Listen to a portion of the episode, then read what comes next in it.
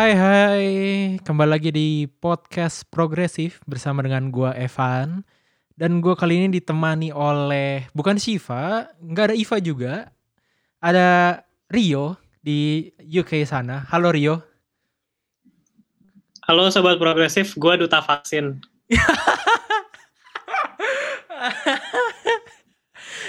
Rio kepada halo Rio Tuasikal, setelah divaksin bukan berarti keluyuran rame-rame dong. Anda dipilih jatah awal-awal vaksin karena followers banyak. Dengan alasan yang sama, tolong berikutnya konsisten beri contoh yang baik. Please, you can do better than this. Your followers are counting on you. Kata Sherina gitu, Rio. Oh, itu Sherina ya. Sherina tuh pinter ya. Iya, iya, iya. Ya, iya. share, share. Iya, Lo juga lo juga uh, followernya banyak share. Cuman sayangnya bukan lo yang jadi duta vaksinnya kenapa sih?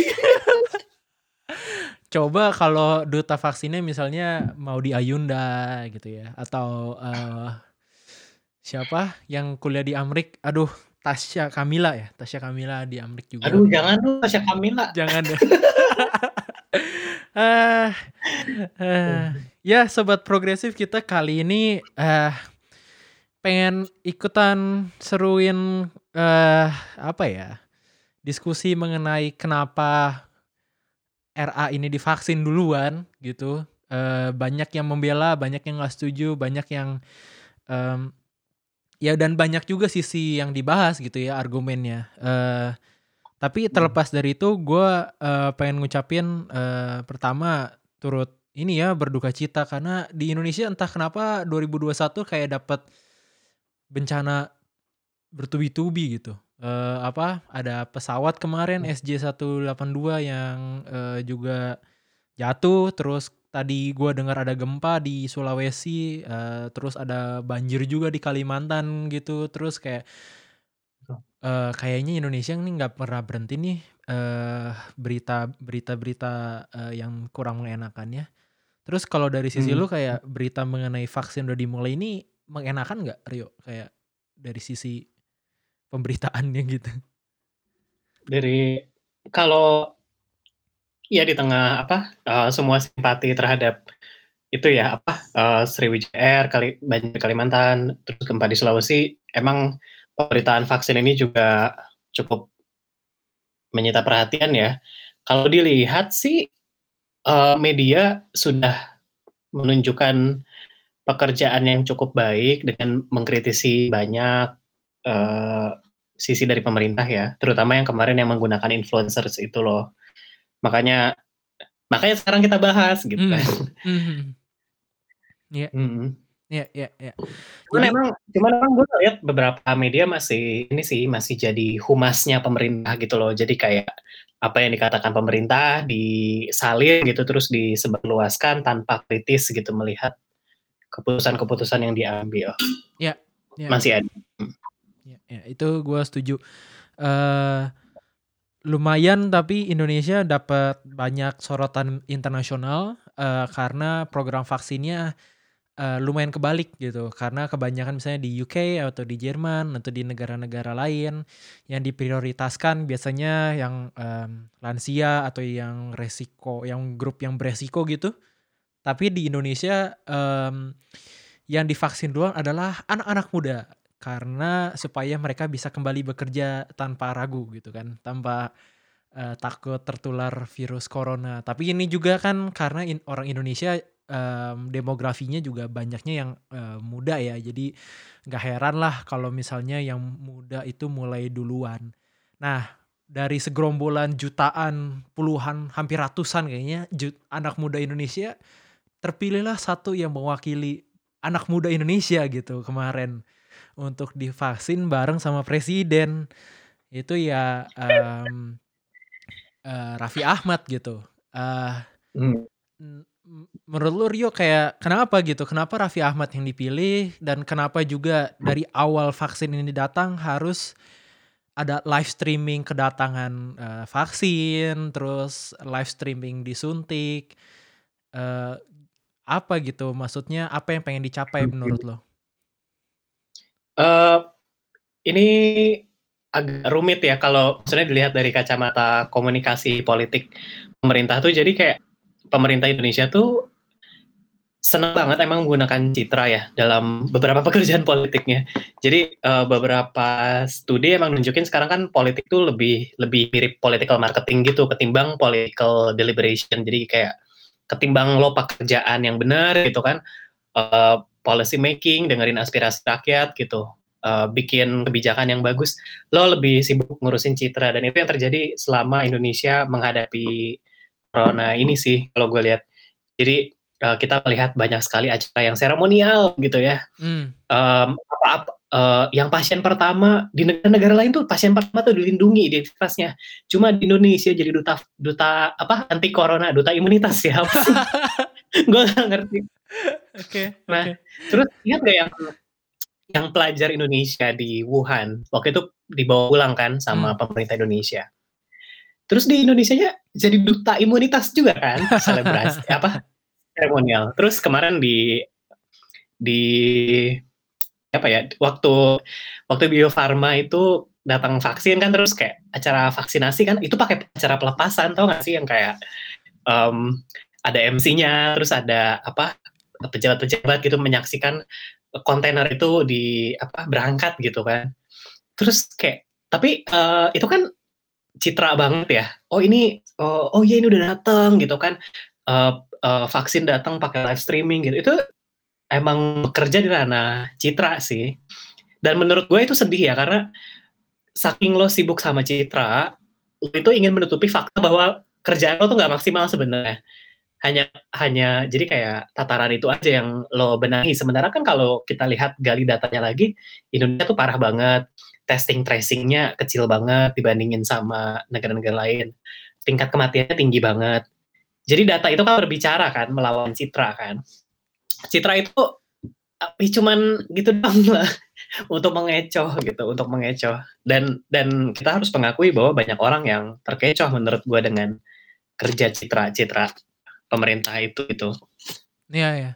Kalau misalnya gue buka data aja, misalnya yang paling simple ya ini bukan data yang gimana-gimana kayak kalau kita kan bisa bisa lu cari di worldometer gitu .com slash coronavirus hmm. itu kan ada tuh angkanya jumlah testing per uh, juta population berapa gitu kan uh, Indonesia tuh cuma lebih bagus dari Nigeria sama Mesir gitu kayak negara-negara yang okay. uh, eh, kita rasa kita di, jauh lebih di atas mereka gitu tapi Se secara GDP-nya jauh lebih tinggi loh. Jauh, jauh banget, jauh banget gitu. Indonesia sebagai apa negara G20 salah satu yang paling rendah if not the worst gitu in hmm. apa dalam menghandle pandemi kali ini gitu dan uh, hmm. karena mungkin udah terlanjur apa ya acak adut gitu jadi akhirnya di seremonialkan lah dicitrakan lah vaksin ini sebagai the only way out gitu apa satu-satunya hmm. cara uh, untuk uh, keluar dari uh, pandemi ini gitu. Uh, apa? Itu lo ngeliatnya kayak berkompensasi gitu loh Van. Hmm. Hmm, hmm. karena lo karena lo lo apa ini kayak kayak ini loh kayak kayak misalkan kita lagi sekolah ya terus kita belum ngerjain tugas gitu. Terus dosennya nanya lo di mana tugasnya? Terus kita kayak cari-cari alasan gitu kayak kita membual menjelaskan A sampai Z gitu. Padahal ya terima aja fakta bahwa lo nggak ngerjain tugas gitu loh. Jadi ini kayak yeah, yeah. kayak gitu loh. Jadi kayak pemerintah tuh kayak overcompensate yeah. ke tidak mereka sendiri gitu. Kayak abis ketahuan selingkuh dari pacar gitu terus kayak enggak saya you are kamu satu-satunya yang buat aku gitu. Padahal iya. Padahal lo terima fakta aja bahwa lo menyakiti orang lain gitu. Yeah uh, selain dari seremonial itu tadi kan lu bilang ini kan lebih di ranah citra gitu. Uh, banyak juga yang bilang kalau misalnya uh, adanya duta-duta vaksin, duta imunitas dan di vaksinnya Raffi Ahmad kayak gitu misalnya itu merupakan usaha ini sih uh, apa ya? Karena katanya uh, Raffi Ahmad itu salah satu key opinion leader istilah bahasa Inggrisnya kalau hmm atau Oh apa ya? ya, uh, orang yang dituakan lah, yang dipandang, yang disorot Hmm. gitu oleh masyarakat Indonesia secara umum. Makanya Kalau misalnya dia bisa memberikan contoh, alangkah lebih baik supaya majority-nya banyak ngikut. Apakah lu Mhm. setuju dengan alasan ini atau, eee, lebih skeptis? Eee, iya kemarin kan di, eee, Twitter kan ramai banget ya perdebatan ini, eee, kayak Pangeran Siahaan, kayak Ernest Prakasa, mereka menjelaskan bahwa di Indonesia di mana masyarakatnya, mmm, apa ya, agak susah dibujuk dengan sains gitu, ya udah kita pakai influencers gitu. Yang menurut gue juga oke masuk akal. Masuk akal sampai tiba-tiba Raffi Ahmad ketahuan dia Hmm. habis itu pesta kan, berkerumun sama orang lain kan, dan malah nggak mengikuti protokol kesehatan kan. Eee, jadi kayak, apa, logikanya gue ngerti logikanya gue ngerti. Eee, si Ernest juga kan kayak dia dia nge-retweet juga tuh yang yang apa, yang yang si Raffi Ahmad ketahuan seperti itu, terus kata dia, "Ah elah," gitu kata si Ernest. Baru dibelain berapa jam. Iya baru baru dipuji gitu kan. Jadi gue ngerti cara logika apa, in menggunakan influencer untuk menyebarkan informasi gitu ya. Mmm, yang gue nggak ngerti adalah pertama kenapa Raffi Ahmad. Kedua, kagak ada briefing apa sama Raffi Ahmad, Mmm. sampai sampai bisa teledor gitu ya kan. Terus, mmm, tapi kembali lagi ke poin yang tadi, itu tidak menutupi fakta bahwa pemerintah tidak, apa ya, tidak tidak mengerjakan tugasnya dengan baik gitu. Nah yang, eee, terakhir menurut gue, eee, penggunaan key opinion leader itu menurut gue over emphasis ke ini sih, terlalu, eee, apa ya, silau sama digital digital media gitu menurut gue. Karena, mmm, faktanya nggak semua orang di Indonesia mengenal Raffi Ahmad, oke. Eee, penetrasi di Indone apa, penetrasi internet Indonesia kan masih rendah banget kan. Jadi menggunakan Raffi Ahmad hanya karena dia followers-nya berapa juta tuh, itu tidak menyelesai apa, tidak menyelesaikan bahu tidak menyelesaikan masalah bahwa banyak orang di Indonesia ini yang belum tahu vaksin gitu atau atau yang tidak mau divaksin gitu. Dan itu mesti mesti menggunakan sarana lain, misalkan puskesmas, penyuluh-penyuluh kesehatan yang benar-benar nyampe ke rakyat gitu loh. Jangan cuman kayak satu tweet, satu Instagram story dianggap akan menyelesaikan masalah gitu. Ya, ya ya ya. Apa, eee, kemarin juga gue baca katanya bukan cuma Raffi Ahmad, tapi so called key opinion leader di daerah-daerah juga bakal divaksin duluan gitu. Jadi kayak Mhm. sesepuh warga atau yang dimuliakan, yang dituakan gitu. Kalau di Bandung gue kayak kebayang, ya Ridwan Kamil kan eee, ini ya, apa, pemerintah. Misalnya kalau di Bandung misalnya gue kebayang A.A. Gym gitu, yang, mmm, Iya iya tokoh iya iya. tokoh masyarakat lah gitu. Itu menurut lu, Mhm. apakah sama, eee, nggak tepat sasaran sama kayak Raffi Ahmad atau sebenarnya ada poin benernya juga karena masyarakat daerah terutama yang mungkin lebih jauh dari, mmm, apa, perkotaan sangat menjunjung apa ya, sangat meng menghormati gitu si tokoh masyarakat itu. Mmm, mereka ya. Mhm. Mmm, mu mungkin kita bisa melihat logiknya sih, oke gitu kan, logic of influence-nya. Eee, cuman kembali lagi kalau dilihat di negara-negara lain gitu ya. Menurut gue tuh Indonesia tuh pengen banget ngebikin herd immunity di antara ini kan, eee, kelas pekerjanya kan, Mmm. generasi pekerjanya. Bukan yang rentan, kenapa? Karena Indonesia yang dipikirin cuman duitnya doang. Karena mereka tak mereka takut kehilangan momentum 2045 kan. Ouch. Bonus demografi, tek-tek ngek itu. Nah, yang, eee, yang menurut gue jadi aneh adalah karena titik berangkatnya dari situ, akhirnya, eee, apa, orang-orang yang mesti di-tap in untuk jadi influence adalah orang-orang yang bisa jadi apa ya, mempengaruhi kelompok jadi sasar kelompok sasaran vaksin tadi kan, yang yang adalah si kelompok yang pekerja itu gitu loh. Heeh.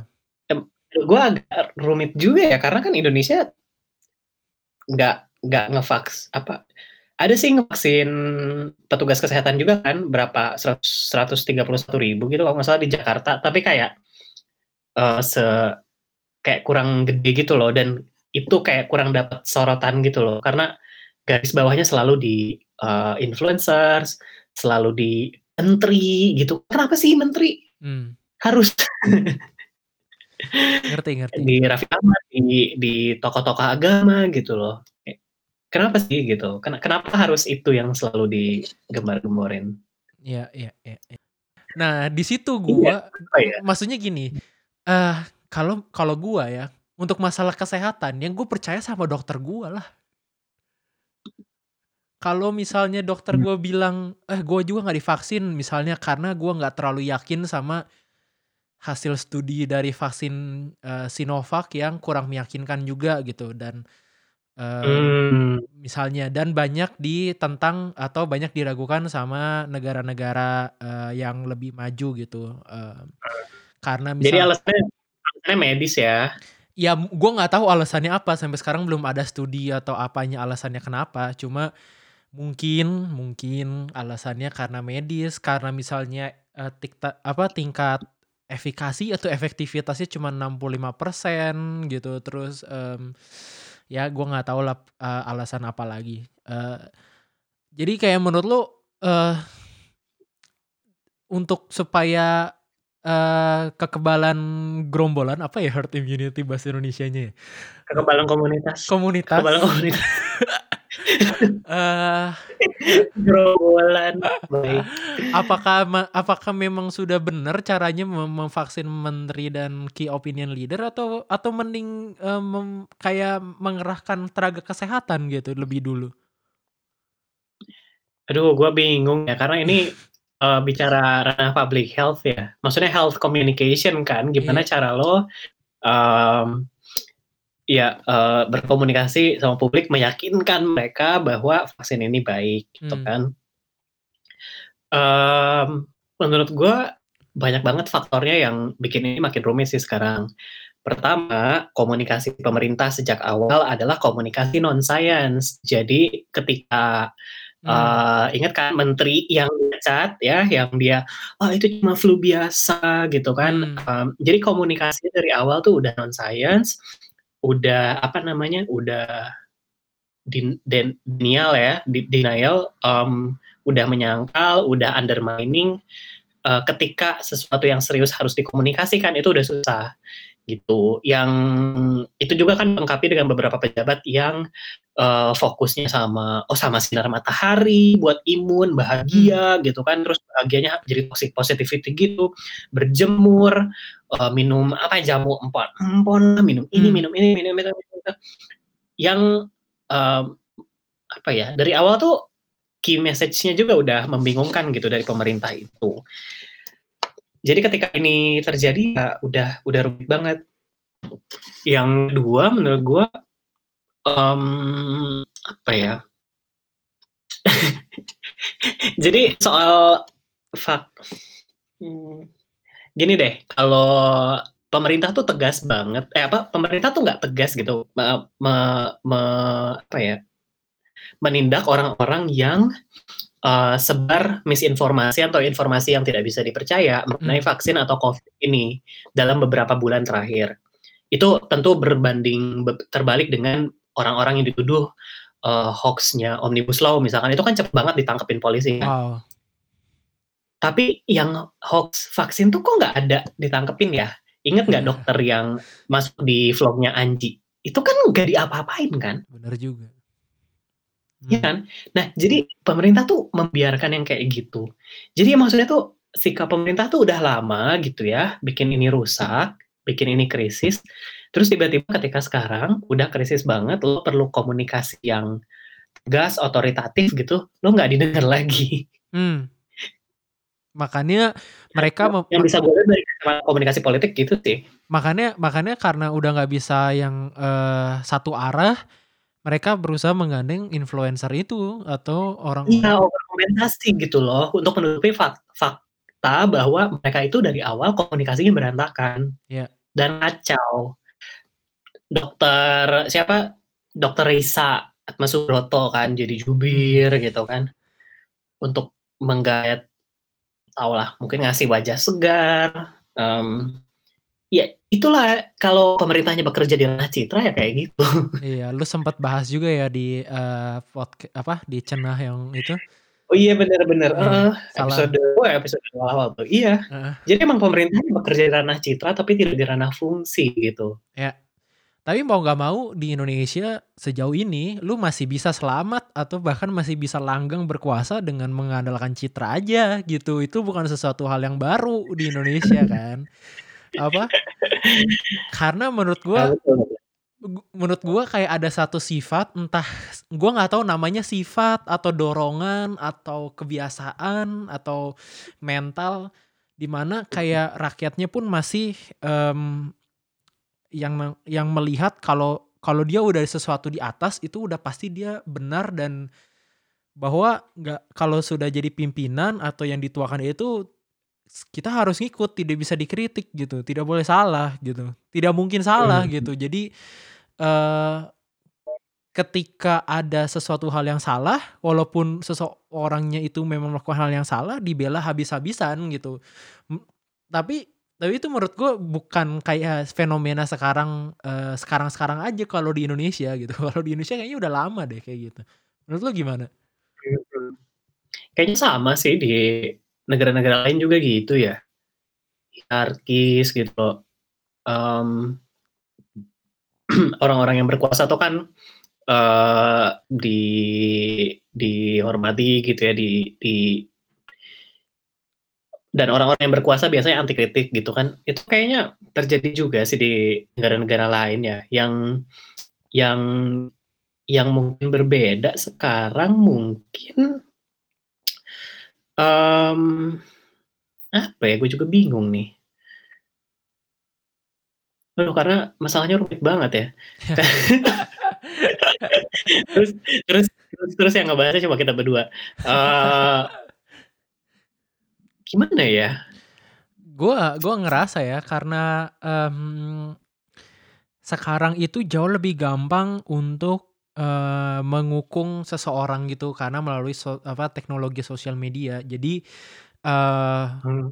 yang tadinya masih ada ruang antar kelompok atau antar individu untuk keluar dari yang namanya rantai, eee, kekuasaan gitu loh. Maksudnya yang kayak, eee jadi kayak arahnya cuman satu dari atas ke bawah. Cuma karena mhm mhm. sekarang kehidupan Indones masyarakat Indonesia udah banyak yang tergantung sama sosial media, sama, mmm, apa, eee, ya ranah online itu, jadinya terkukung gitu loh. Jadi di digempit dari segala arah gitu loh, mmm, dan yang banyak juga, eee, terja makanya terjadi yang namanya, eee, itu kan, apa sih, eee, kalau di bahasa Inggris kan yang echo chamber itu akhirnya kejadian lagi gitu. Dan iya masal ya, dan masalahnya mhm. kalau di Indonesia itu yang echo chamber-nya itu salah satu penggeraknya pemerintahnya sendiri gitu. Eee, betul, mohon maaf. Jadi ketika gimana ya, ya itu balik ke yang tadi sih. Jadi, mmm, pemerintah tuh kan seneng banget di masalah citra ya, sibuk di urusan citra. Mmm, mungkin ingat pernah, eee, ada beberapa influencer yang mengaku di-hire pemerintah untuk Mmm. nge-tweet hashtag-hashtag tertentu kan. Mmm. Jadi pemerintah tuh emang bekerja di situ, mmm jadi ket ketimbang ketimbang pemerintah tuh menggunakan sosial media untuk mendengarkan aspirasi publik, pemerintah justru ngeluarin uang buat bayar influencer untuk mempengaruhi opini publik gitu. Ya. Jadi kan kan kebalik ya, maksudnya tuh mestinya tuh lo udah udah punya alatnya, lo bisa denger suara rakyat, bisa memantau suara rakyat gitu kan dengan cepat lewat sosial media, tapi kok malah digunakan untuk hal yang lain gitu. Yang adalah untuk, eee, menguatkan cengkraman pemerintah rakyatnya. Ya tapi maksudnya, Iya. eee, influencer segitu loh, lo 72.000.000.000 itu mau diapain sih yang bayar influencer itu? Mmm, influencer mulu diurusin, tapi kayak lo kebayang nggak sih, mmm, waktu yang 72.000.000.000 itu ya, 72.000.000.000 buat bayar influencer di tengah pandemi gitu, kayak lo kebayang sih 72.000.000.000 itu bisa dipakai buat apa gitu? Iya. Buat yang lain gitu, Buat yang bel tidak mengurus soal citra gitu loh. Iya, buat beli alat pelindung diri, buat al apa, tenaga kesehatan, buat meningkatkan Betul. testing, buat Iya. buat ngasih gaji tambahan buat nakes kan, buat dokter. Buat perawat, ya gitu. Tapi kan lebih suka pakai uang itu buat, ya udah di buat influencer gitu. Iya, iya. Jadi, apa ya, kalau gue ngeliat tuh, lo nggak membangun kesadaran jadi masyarakat tuh nggak dibikin pintar dari awal gitu loh. Kalau dibikin pintar tuh ya, eee, masyarakatnya punya suara, lo dengerin, lo respon, lo ajak diskusi baik-baik gitu loh. Dengan proses politik yang bener gitu di di di dunia nyata ya. Jadi kayak pakai struktur politik yang ada gitu. Bukan cuman bermain di, apa namanya, di ranah-ranah diskus apa, diskursus gitu loh. Iya. Kayak dan cuma ngelawan itu kan pakai tweet, pakai pakai influencer, ya elah. Iya, apa, poin lu bagus banget yang, eee, memang, eee, rakyatnya ini nggak diberi ruang untuk berkembang gitu. Sering banget kayak gue mendapatkan, eee, selentingan yang kayak, eee, contoh ya, contoh nih, bansos bansos, eee, jangan dikasih uang, nanti, eee, dibeliin apa, nanti mending kasih beras aja gitu. Toh akhirnya dikorupsi Mmm. juga, ya kan, parah banget. Terus Mmm. kasus korupsinya belum beres, ada dugaan, Mmm. Apa, anaknya presiden juga terlibat, ya kan. Mmm. terus, eee, it apa Yang menang pilkada itu ya? Yang mana? Yang menang Yang menang pilkada. itu ya? Iya, terus, eee, sek kayak sekarang juga vaksin misalnya, eee, rakyatnya, nggak bisa scientific, udah di dihasut aja pakai influencer.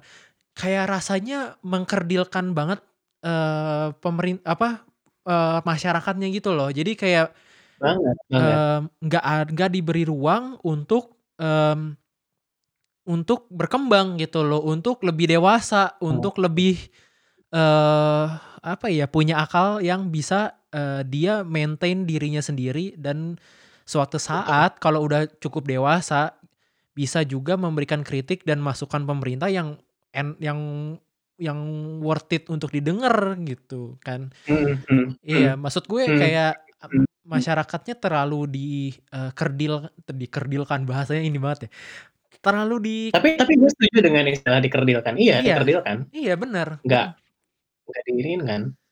Mhm. Dan dan gue tuh jadi kepikiran Evan ya, masyarakat yang anti science, itu bukannya bukti kegagalan sistem pendidikan kita ya? Wow. Kok maksudnya kayak eee, apakah ya maksudnya gini, jangan jang mmm, ini agak-agak dibawa ke Iya. struktur gitu ya, maksudnya kayak, lo mengharapkan masyarakat lo ngerti vaksin gitu, tapi, mmm, di tempat-tempat tertentu banyak yang nggak bisa SMP gitu, cuman Iya. lulus SD, dan lo berharap mereka ngerti vaksin gitu.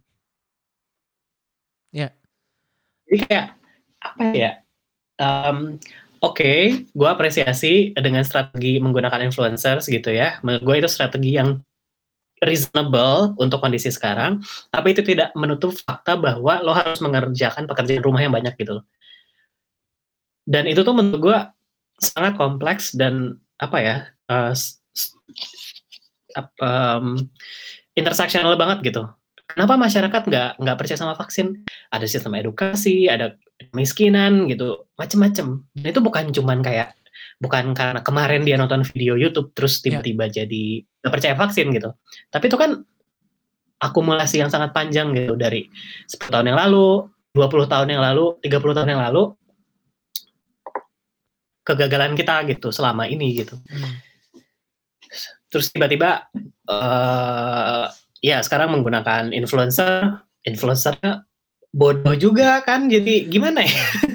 Iya. Iya, ngerti ngerti. Kalau misalnya memang masif dan kerjanya, apa ya, militan gitu nggak apa-apa sih sebenarnya pakai influencer kayak gitu ya, terutama di pandemi kayak gini yang perlu informasi cepet diserap, cepet tersampaikan gitu. Tapi masalahnya kayaknya pemilihannya kurang. Menurut gue ada 3 poin sih kalau bisa ngerangkum gitu ya. Jadi yang Iya. pertama, mmm pemilihan inf jadi gini, eee, pemilihan influencer itu oke, dimengerti, tapi itu tidak, apa ya, menutup menutup pekerjaan rumah yang lain yang itu harus dikerjakan juga. Mmm, kadang-kadang ada, apa, pemerintah tuh menempatkan influencer tuh seolah-olah menjadi solusi tunggal gitu loh. Iya. Padahal, eee, itu harusnya menurut gua komplementer di gerakan berbarengan gitu ya, dengan pekerjaan yang nyata seperti yang tadi lo sebutkan, eee, tapi ini pemerintah justru menggunakan itu sebagai solusi tunggal gitu, seolah-olah kalau udah pakai influencer semuanya akan selesai gitu kan. Mmm, dan eee, yang poin ketiga adalah, ya kalau milih influencer-nya yang dipilih yang bener banget gitu loh, jangan gagal kan. Gua gua gua ngebayangin sih kalau gini ya, kalau gua jadi, eee, orang di lingkaran Presiden Jokowi, gua yang mengusulkan nama dia, ya Raffi Ahmad itu, eee, terus kelakuannya kayak gitu, gua resign gua resign nih, gua malu. Iya sih, bener gue juga. Gua malu banget malu banget malu banget. Malu. Terus yang poin lu terakhir? Oh udah udah 3 udah 3 sorry. Oh. Yang Loh, kok gue nangkep cuman 2 Oh tadi? tadi tadi yang pertama itu, eee, apa, tidak, eee, di iya diapre apresiasi itu loh, eee, maksudnya itu sangat dimengerti, reasonable untuk situasi yang sekarang. Tapi yang kedua, itu tidak menutupi fakta bahwa Ah, oke. banyak pekerjaan yang harus dikerjakan dan dan jangan ditempatkan sebagai solusi tunggal gitu loh, harus influencer itu harus melengkapi, Ya. citra itu harus melengkapi fungsi gitu. Oh. Ya ya, jadi yang penting tuh bukan cuma, eee, bikin kontennya doang, apa, eee, tapi, eee, yang penting, eee, ya beneran dilakuin gitu. Jadi jangan bukan hanya kelihatannya aja melakukan sesuatu, tapi PR yang yang dari dasar gitu, yang memang seharusnya sudah dilakukan, harusnya jauh lebih baik dilakukan gitu. Mmm, Betul. yes. Sebenarnya gue mau nutup, ya karena Indonesia tuh udah sering loh maksudnya melakukan apa, eee, vaksin apa, sosialisasi vaksin. Imunisasi imunisasi. Iya imunisasi, maksudnya imunisasi kayak polio misalnya, gue inget banget, eee, nggak pakai influencer, nggak ada iklan di TV banyak, iya. Tapi mostly yang bekerja keras adalah orang-orang yang di bawah, yang yang di puskesmas, di posyandu, yang kasih penyuluhan ke ibu-ibu. Ibu-ibu yang mungkin juga nggak pernah sekolah atau mungkin SD, tapi mereka mengerti, "Oh ya imunisasi polio penting supaya anak saya nggak kena virus polio," gitu kan.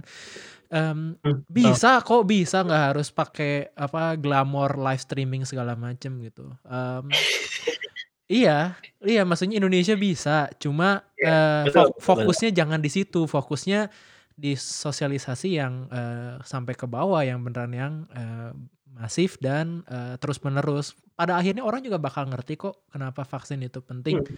ya kan. Terus kalau Mmm, misalnya setuju kalau misalnya masyarakatnya sudah divaksin semua kan baru kita ngomongin lagi ekonomi, jadi ekonominya belakangan lah. Masa Mhm. ekonomi di depan manusia, manusia lah di depan, ya kan. Enggak bisa, karena ya gitu, pemerintah Indonesia lebih suka duitnya sih daripada warganya.